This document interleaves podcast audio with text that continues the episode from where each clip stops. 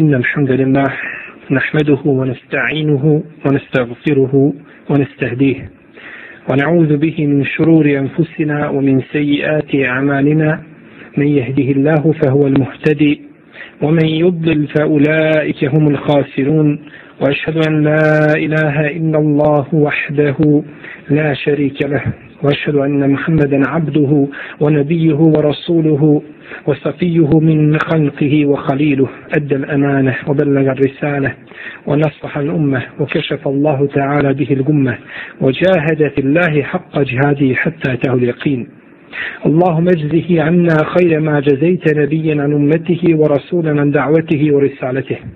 وصل اللهم وزد وبارك عليه وعلى آله وأصحابه وإتباعه وعلى كل من اهتدى بهديه واستنى بسنته واقتفى أثره إلى يوم الدين أما بعد بلجة بخاري مسلم u svojim vjerodostojnim hadijskim zbirkama od Muavije ibn al-Hakema je Sulemija radijallahu anhu da je rekao Klanjao sam jednoga dana sa poslanikom sallallahu alaihi wasallame pa je jedan od klanjača kihnuo pa sam kazao jerhamuk Allah. Pa su me ljudi pogledali svojim oštrim pogledima pa sam rekao wa sukle umnija ma še'nukum tam vorune ilaj. Kaže majka me moja izgubila šta vam je pa gledate u mene? Pa su počeli udarati sa svojim rukama po svojim stegnima ušutkivajući Muaviju ibn Hakema Esulemija radijallahu anhu. Kaže Muavija pa sam ušutao. Pa kada je poslanik sallallahu alaihi wasallam završio namaz, kada je preselamio, majkom ga svojim, svojom ga majkom i ocem iskupljujem, nisam vidio nikada učitelja, niti daje boljeg od njega, ne prije, niti poslije njega. Tako mi Allaha nije me udario niti me je uvijedio, niti mi je bilo kakvo drugo zlo učinio, već je rekao, inne hadihi salah, la jasluhu fiha šeju min kelamin nas, innema huve tespihu, od tekbiru, o kirajetu Kur'an. Rekao je poslanik sallallahu alaihi wa sallam u avi, ovo je namaz. I nije dozvoljeno u namazu da se bilo šta govori, već je namaz, u njemu je tespih, veličanje i slavljenje Allaha Đelešanu i tekvir i učenje Kur'ana. Iz ovoga, kao i brojni drugi hadisa, vidimo kakvu ulogu ima metod ili način pozivanja ljudi u islam. Jer od samog metoda direktno ovisi da li će onaj koji je pozivan primiti ili odbiti poziv daje Pa ako daje na najljepši način postupi kao, kao što je to učinio naš poslanik sa osreme u ome i u brojnim drugim slučajima i takav je bio općenito u svojoj davi i u svome pozivanju ljudi u islam, onda će se desiti i a, desit će se ono što je daja, što je daja i očekivao ili što mu je bila želja ili cilj, a to je da primi od njega ono čemu ga je pozivao i s druge strane da on kao daje dobije nagradu kod uzvišenog Allaha te barake o teala. Kazao je poslanik sallallahu alaihi wa sallam u hadisu Ebu Umame, koga bideži imam tirmizi ibn Mađe sa ispravnim lancem prenosilaca, Inna Allahe wa melaiketehu wa ahlu samavati wal ardine hatta nemletu fi جحرها wa hatta ليصلون على معلم ala الخير.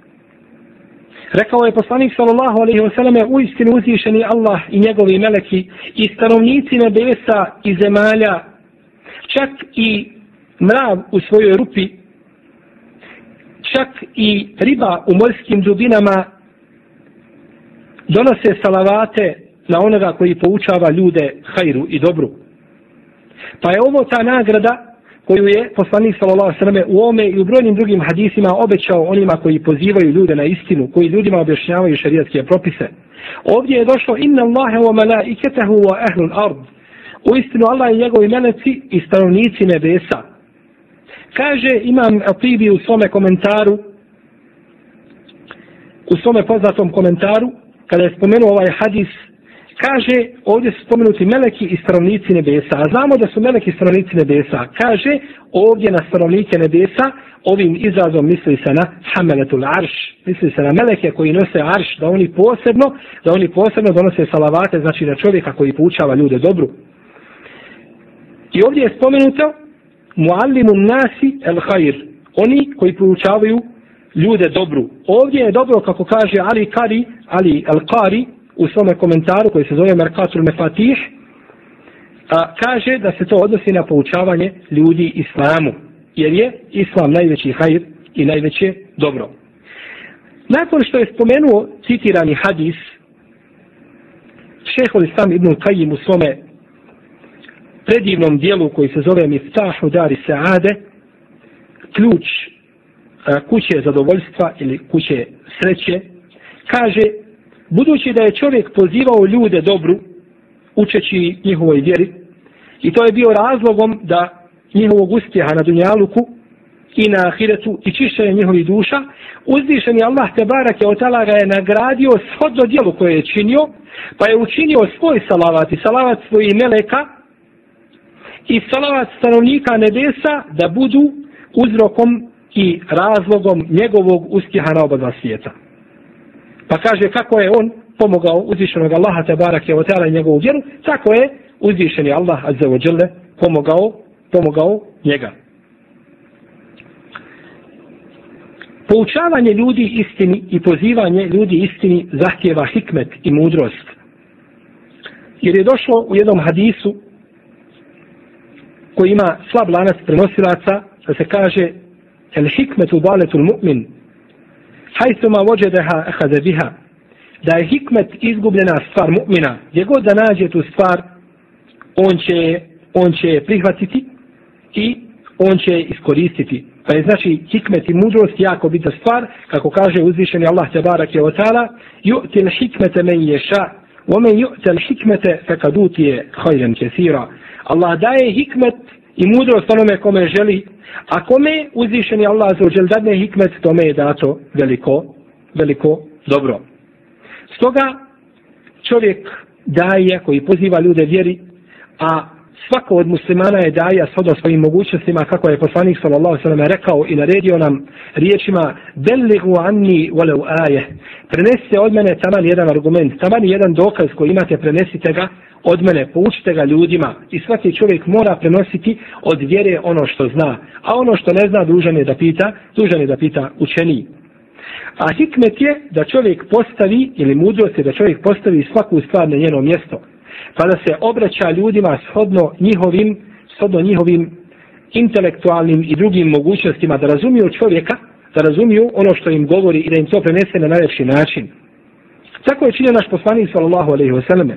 To potvrđuje i predaja koju drži Imam Ahmed u svome Musnedu i Tabarani u svome djelu Muadžem al-Kebir, koja ima ispravan lanac prenosilaca od Ebu Umame, radijallahu anhu, da je rekao, došao je jedan mladić poslaniku sallallahu alejhi ve selleme i rekao mu, Allahu poslaniće, dozvoli mi da činim nemoral, učini mi olakšicu da činim nemoral.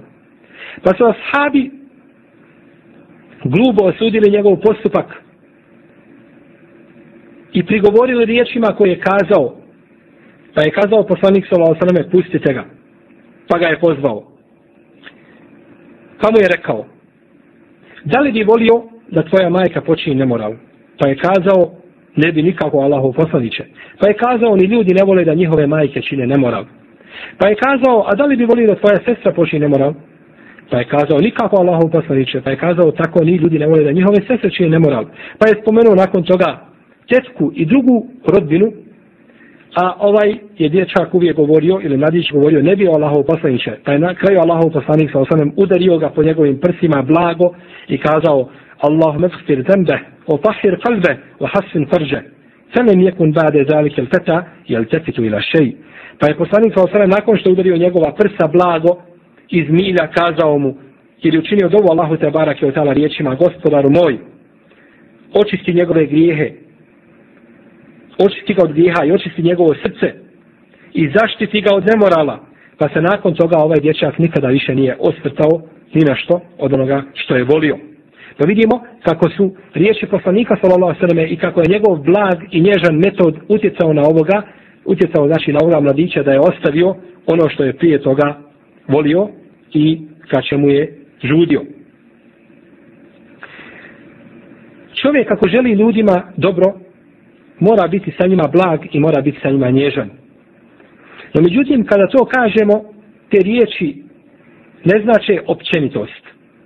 Jer ima dosta ljudi, kada se spomene blagost i nježnost, smatraju to da je to popustanje i da je to odstupanje tamo gdje se ne smije odstupiti. Ne.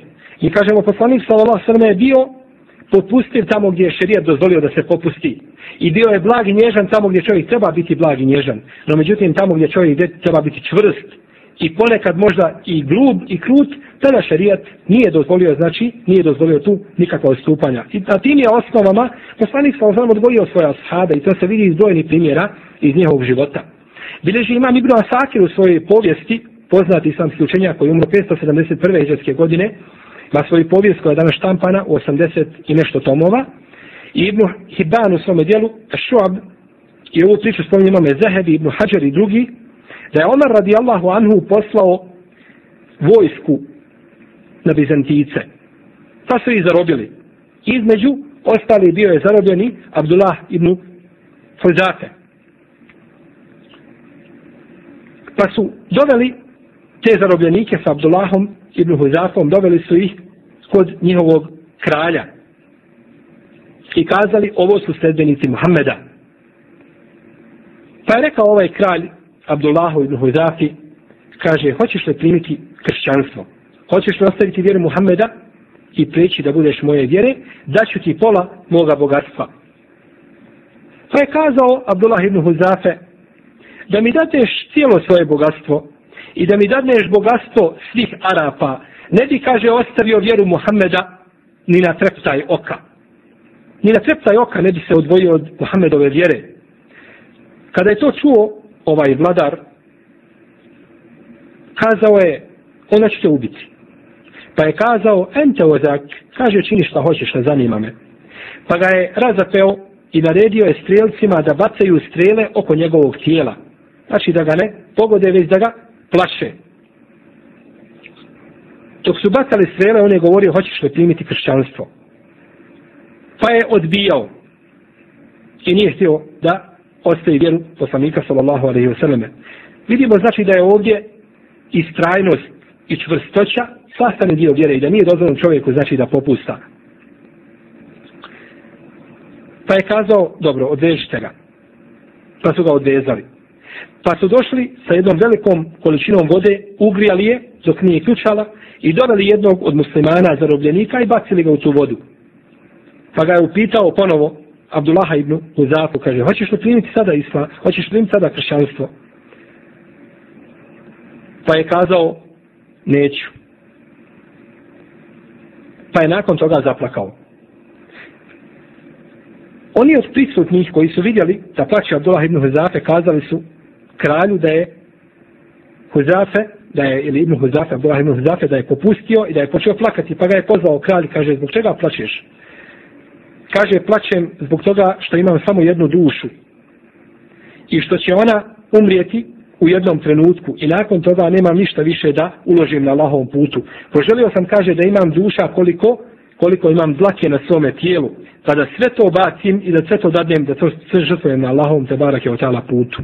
Kada je vidio ovaj vladar nepokornik ovu čvrstinu i istrajnost i iman i vjeru kod Abdullaha ibn Huzafe koju ne može ničim poljuljati, i ne može ga vratiti sa vjere na kojoj je kazao je, tražio je od njega najmanje jednu sitnicu. Kaže, hoćeš li me bar onda poljubiti u glavu pa ćete pustiti, pa ćete osloboditi. Ne mogu ti ništa, hajde bar poljubi me u glavu, pa nakon toga ćete pustiti. Smatrao je to uspjehom ako Abdullah ibn Huzafe ga poljubi u glavu. Pa je kazao Abdullah, kaže, hoću poljubiti te u glavu, no međutim, no međutim, oslobodi mene i sve druge zarobljenike. Pa je kazao, dobro, oslobodit ću i tebe i druge, samo me poljubi u glavu. Pa ga je poljubio, pa ga je oslobodio.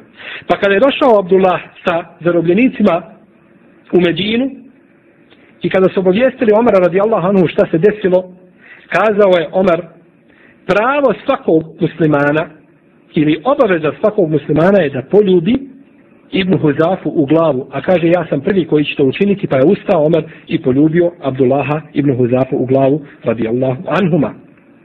Vidimo iz ove priče da je Abdullah Ibn Huzafe ostao čvrst i ustran u svojoj vjeri, nepopustljiv, kao, kao čvrsta stijena. No međutim, kada je došlo u pitanje da bude on oslobođen i svi muslimanski zarobljenici samo da bi poljubio ovoga nepravednika u glavu, on je to žrtvovao, znači i tu je popustio, jer je time spasio svoj život i živote mnogih drugih muslimana. Pa vidimo znači da je hikmet koga je uzvišen je Allah Tebarak je otala širio a, među ashabima, bio znači da se može popustiti tamo gdje šerijet dozvoljava da se popusti, a tamo gdje je šerijet čvrst, znači i nije, nije dozvolio, znači elastičnost, tu čovjek mora isto tako ostati ostati u stranu.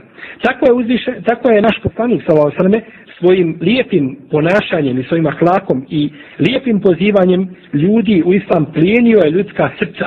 Plijenio je ljudska srca i nisu se mogli nikako oduprijeti tom lijepom ponašanju. Pa je poslanik sallallahu alaihi sallam bio žiri, pa je poslanik sallallahu alaihi bio žiri Kur'an koji je hodio po zemlji i koji je pozivao ljude dobru za najljepši mogući način. I ovo je predaju također spomenuo u svome djelu Al-Magazi od Omara radijallahu anhu da je rekao dobila je moja sestra porođajne bolove pa su me istirali iz moje kuće pa sam otišao u Kjabu sjedeći u Kjabi osjetio sam da je ušao poslanik sallallahu alaihi wasallame klanjao je izvesni, izvesni period i nakon toga okrenuo se i izišao kaže pa sam krenuo za njim On, Omar radijallahu ta'ala anhu u ovo vrijeme nije bio primio islam. Kaže, pa sam krenuo za poslanikom sallallahu alaihi wasallame, pa se okrenuo i pitao ko je to? Pa sam kazao Omer. Pa je rekao poslanik sallallahu alaihi wasallame, ja Omer, la te trukuni wala nahara, kaže Omere, kaže, nećeš da me ostaviš na miru i dan i noć, uvijek me pratiš i uhodiš. Kaže Omer, fe hašitu en jeduva alije. kaže pa sam se prepao da će dobiti protiv mene poslanik sa osame kaže pa sam odma izgovorio šehadet pa sam odma izgovorio šehadet pa je rekao poslanik sallallahu alaihi wasallam kaže o Omere sakri to što si uradio to jest sakri u svoj islam pa je rekao Omar, tako mi onoga koji te je poslao sa istinom neću kriti islam kao što nisam krio ni svoj džahilijet kao što nisam krio znači ni svoj širk tako ću ga tako ću objaviti isto svoj svoj islam. Pa vidimo kako je poslanik sallallahu alejhi ve selleme postupao lijepo sa ljudima da je jednostavno iz jednog običnog razgovora sa Omerom koji je bio najveći i najžešći borac poslanika sa ozvanjem muslimana u to vrijeme učinio ga je znači da primi da primi islam. Bio je poslanik sallallahu alejhi ve selleme najblaži čovjek u svome pozivanju ljudi želeći im hajr i želeći im dobro. Obraćao se ljudima sa riječima punim poštovanja i nježnosti i blagosti. Bileže Buharija i Muslim u svojim hadijskim zbirkama od Ajše radijallahu ta'ala anha da je pitala poslanika sallallahu alaihi wa sallame u Allahov poslaniće je li ti ikada došao teži dan od dana Uhuda? Pa je rekao kaže jeste je u mulakabe dan akabe kada sam izlazio kaže i nudio određenim plemenima i pozivao u islam pa su odbili i grubo postupili prema poslaniku sallallahu alaihi wa sallame pa sam kaže Allahov poslanik dalje izišao žalostan iz njihovog mjesta vraćajući se nazad dok nisam došao do mjesta koje se zove Karnu Alib a to je mjesto poznato po imenu Karnun Merazil a to je Mikat stanovnika Nežda pa sam kaže osjetio iznad mene oblak jedan veliki pa sam kaže digao svoju glavu i vidio sam Džibrila u tom oblaku pa mi kaže o Muhammede Allah je čuo ono što su ovi ljudi govorili i kako su prema tebi postupili? I poslao je, i poslao je sa mnom meleka brda. O Muhammede naredi šta želiš. Ako želiš poklopit će ih i prekriće ih sa ovim brdima kao da nikada nisu postojali na ovoj zemlji. pa je kazao poslanik sallallahu alaihi wasallam koji je poslan kao milost svjetovima kako kaže uzvišeni Allah za ođel وَمَا أَرْسَلْنَاكَ إِلَّا رَحْمَةً لِلْعَالَمِينَ a mi te nismo poslali nego kao milost svim svjetovima i ljudskim, i džinskim, i životinskim, i prirodi, i svemu smo te poslali kao milost. Rekao je poslanik sa osvrem tom prilikom, bel arđu en juhriđa Allahu min aslabihim men ja'budu Allahe wahdehu wala yushriku bihi še'a.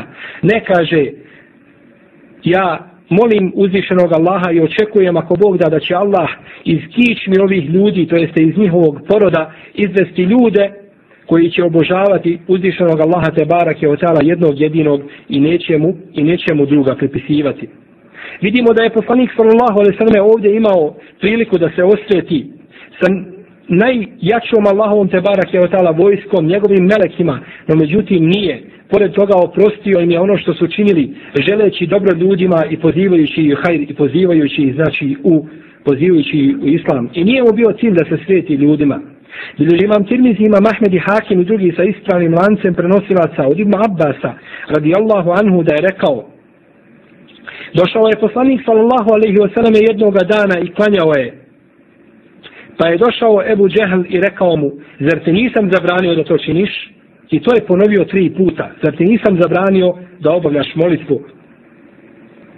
Kada je poslanik sallallahu sallam završio namaz, odgovorio je grubo Ebu Džehl, Ebu Džehlu, odgovorio mu je grubim riječima i okrenuo se. Pa je rekao Ebu Džehl, ti znaš, kaže, da ja imam najviše ljudi koje mogu pozvati ovdje i koji će stati sa mnom i koji će braniti mene i ono što ja zastupam. Ti znaš da mi ne može niko ništa, da ja imam vojsku ovdje. Pa je uzvišeni Allah te barak je otala tom prilikom objavio ajet u kome kaže da li jedu nadije se ne du zebanije. Neka on pozove one koji hoće da poziva, a mi ćemo pozvati zebanije, a to su meleki azaba. Kaže Ibn Abbas, tako mi Allaha, da su se samo, da je samo koga pozvao od ljudi, kaže sa njim bi se pozabavili meleki azaba. Meleki azaba bi se sa njim pozabavili. Znači, pored toga što je poslanik sa osram imao i bila mu je zagarantovana pomoć i pobjeda, imao je vojske koje su mu mogle pomoći, nije, nije uvijek primjenjivao znači, silu i u većini slučajeva bio je znači, blag, ne želeći ljude prisiljavati, niti im se želeći, niti im se želeti, želeći slijetiti, znači, zbog propusta koje čine ili zbog grubosti i njihovog neumjesnog obhođenja prema poslaniku, sallallahu alaihi wa alihi wa sallame. Allahu poslanik s.a.v. je trpio koliko je mogao. No međutim, kada bi ezijet koga su činile kurejšije prešao granice, onda bi Allahu poslanik znao ponekad i uputiti dovu protiv njih. Tako bileže Buhari i muslim od Ibnu Mesauda radi Allahu anhu da je rekao Klanjao je poslanik sallallahu alaihi wa sallam jednoga dana pored Kjabe pa je Ebu Džehl kazao svojim pristalicama koji su sjedili sa njim u društvu ko će, kaže, donijeti utrobu od deve koja je juče zaklana kod tog i tog čovjeka i baciti je na vrat i leđa Muhammedu kada učini srđdu. Pa je ustao jedan od najnesretnijih ljudi koji su bili u tom društvu opakom, otišao, donio utrobu od deve i bacio je na leđa poslanika za osanem na njegov vrat kada je učinio seždu. Pa su se počeli silnici smijati tako da su se naginjali jedan na drugoga od silnog smijeha. Sve dok nije došla Fatima, čjerka poslanika sallallahu alaihi wa dok je, ja bila je tada djevojčica, uzela je tu utrobu, skinula je sa vrata poslanika sallallahu alaihi potom im prišla i počela ih vrijeđati i grube riječi, i grube riječi im govoriti. Kada je poslanik sallallahu alaihi wa sallam završio svoj namaz, ustao je i a, gromkim glasom učinio dovu Allahu te barake wa ta'ala rekavši Allahumme alejke bi kurejš ponovio je to tri puta gospodaru moj tebi se žalim i od tebe pomoć tražim protiv kurejša kada su čuli dovu poslanika sa osanem istog momenta su se prekinuli smijati jer su se pobojali za sebe. Oni su znali da je on poslanik no međutim nisu htjeli da vjeruju iz svoje oholosti. Pa je rekao, Allahume alejke vedi Džehl ibn Hišam, gospodaru moj, ti se pozabavi i ti kazni Ebu Džehla ibn Hišama, i Utbeta ibn Rebiju, i Šejbu ibn Rebiju, i Elvalida ibn Ukbu, i Umeje ibn Halefa, i Ukbete ibn Abi Muajit i spomenuo je sedmoga, kaže Ravijano, međutim ja ga nisam zapamtio. Ova sedma osoba ili sedmi čovjek koji je spomenut ili mušrik, Spomenuo ga imam Buharija u svome sahihu, kaže da je to bio Umare ibn Walid. Kaže Ibn Mesud, tako mi onoga koji je Muhammeda poslao sa istinom, vidio sam, kaže, sve ove ljude da su ubijeni i povaljani kao trupovi na danu bedra, pa su potom dovučeni i bačeni u jedan bunar kao poniženje njima. Obistinala se i uslišla je uzvišeni Allah te barak je otala dovu svoga poslanika sa sveme koga su ezijetili i koga su uznemiravali. Subhanallah, koliko je samo poslanik sallallahu alaihi wasallam trpio ezijete svoga naroda koji su ga vrijeđali, koji su ga uznemiravali, koji su ga sprečavali u njegovoj poslaničkoj misiji. Bileži imam Ibn Hibban, imam Tabarani i Darekutni sa ispravnim lancem prenosilaca od Tarika Ibn Abdillaha el Meharidija, da je rekao, kaže, vidio sam poslanika sallallahu alaihi wasallame da je došao jednoga dana na pijacu, a ljudi su se okupili oko njega, pa je vikao, o ljudi, recite la ilaha illallah, uspjećete. A iza njega je išao čovjek i udarao ga kamenjem i govorio, o ljudi, nemojte mu se odazvati, ovo je lažov. Pa su upitali ko je to, kažu to je njegov Amidža Ebu Leheb. Vidimo da je poslanik sallallahu alaihi sallam znači trpio ezijete od najbližih ljudi njemu. No međutim, pored toga, to nije spriječilo poslanika sallallahu alaihi da poziva u Allahovu te barake o ta'ala vjeru i ništa ga nije moglo zaustaviti na tome, na tome putu. Allahov poslanik sallallahu alaihi wasallam je bio najbrižniji čovjek prema svome umetu, prema ljudima koje poziva. A sve ljudi, koje, a sve ljudi, e, svi ljudi koje čovjek, koje je poslanik sallallahu alaihi pozivao u islam, smatraju se njegovim umetom. Pa ima jedan dio umeta koji je prihvatio njegov davet kao što su muslimani, a ima drugi dio umeta koji nisu prihvatili njegov davet pa su ostali na svome, pa su ostali na svome nevjerstvu. No međutim, svi se smatraju, znači, u onome globalnom smislu umetom poslanika, sallallahu alaihi wa alaihi wa sallam. Bileži ima muslim u svome sahihu od Abdullaha ibn Amra ibn Lajasa radijallahu anhuma, da je poslanik sallallahu alaihi wa sallam jednoga dana proučio ajet u kome uzvišeni kaže Rabbi innehunne advalne kathiran minan nas, femen tebi'ani fa innehu minni. Riječi koje izgovorio Ibrahim a.s. Gospodaru moj, u istinu su kipovi zaveli mnoge ljude, a onaj ko mene slijedi, one od mene. I proučio je ajet u kome je Isa a.s. rekao In tu'azibhum fa innahum ibaduk, wa in tagfir lahum fa innaka anta al-azizul hakim. Gospodaru moj, ako im oprostiš, pa oni su tvoji robovi. Ako ih kazniš, pa ti si silan i ti si i ti si mudar. Potom je digao poslanik sallallahu alejhi ve selleme svoje ruke i rekao Allahumme ummeti ummeti. Potom je zaplakao.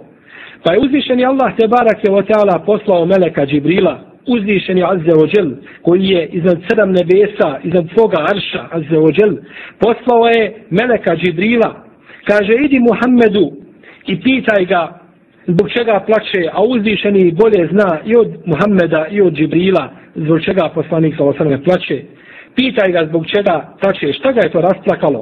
Pa je pitao poslanika Salosaleme, pa je rekao moj ummet, moj ummet. Pa se vratio Džibril svome gospodaru Tebara Keotara i obavijestio ga. A on bolje to zna i od Džibrila i od poslanika sallallahu alaihi wasallam.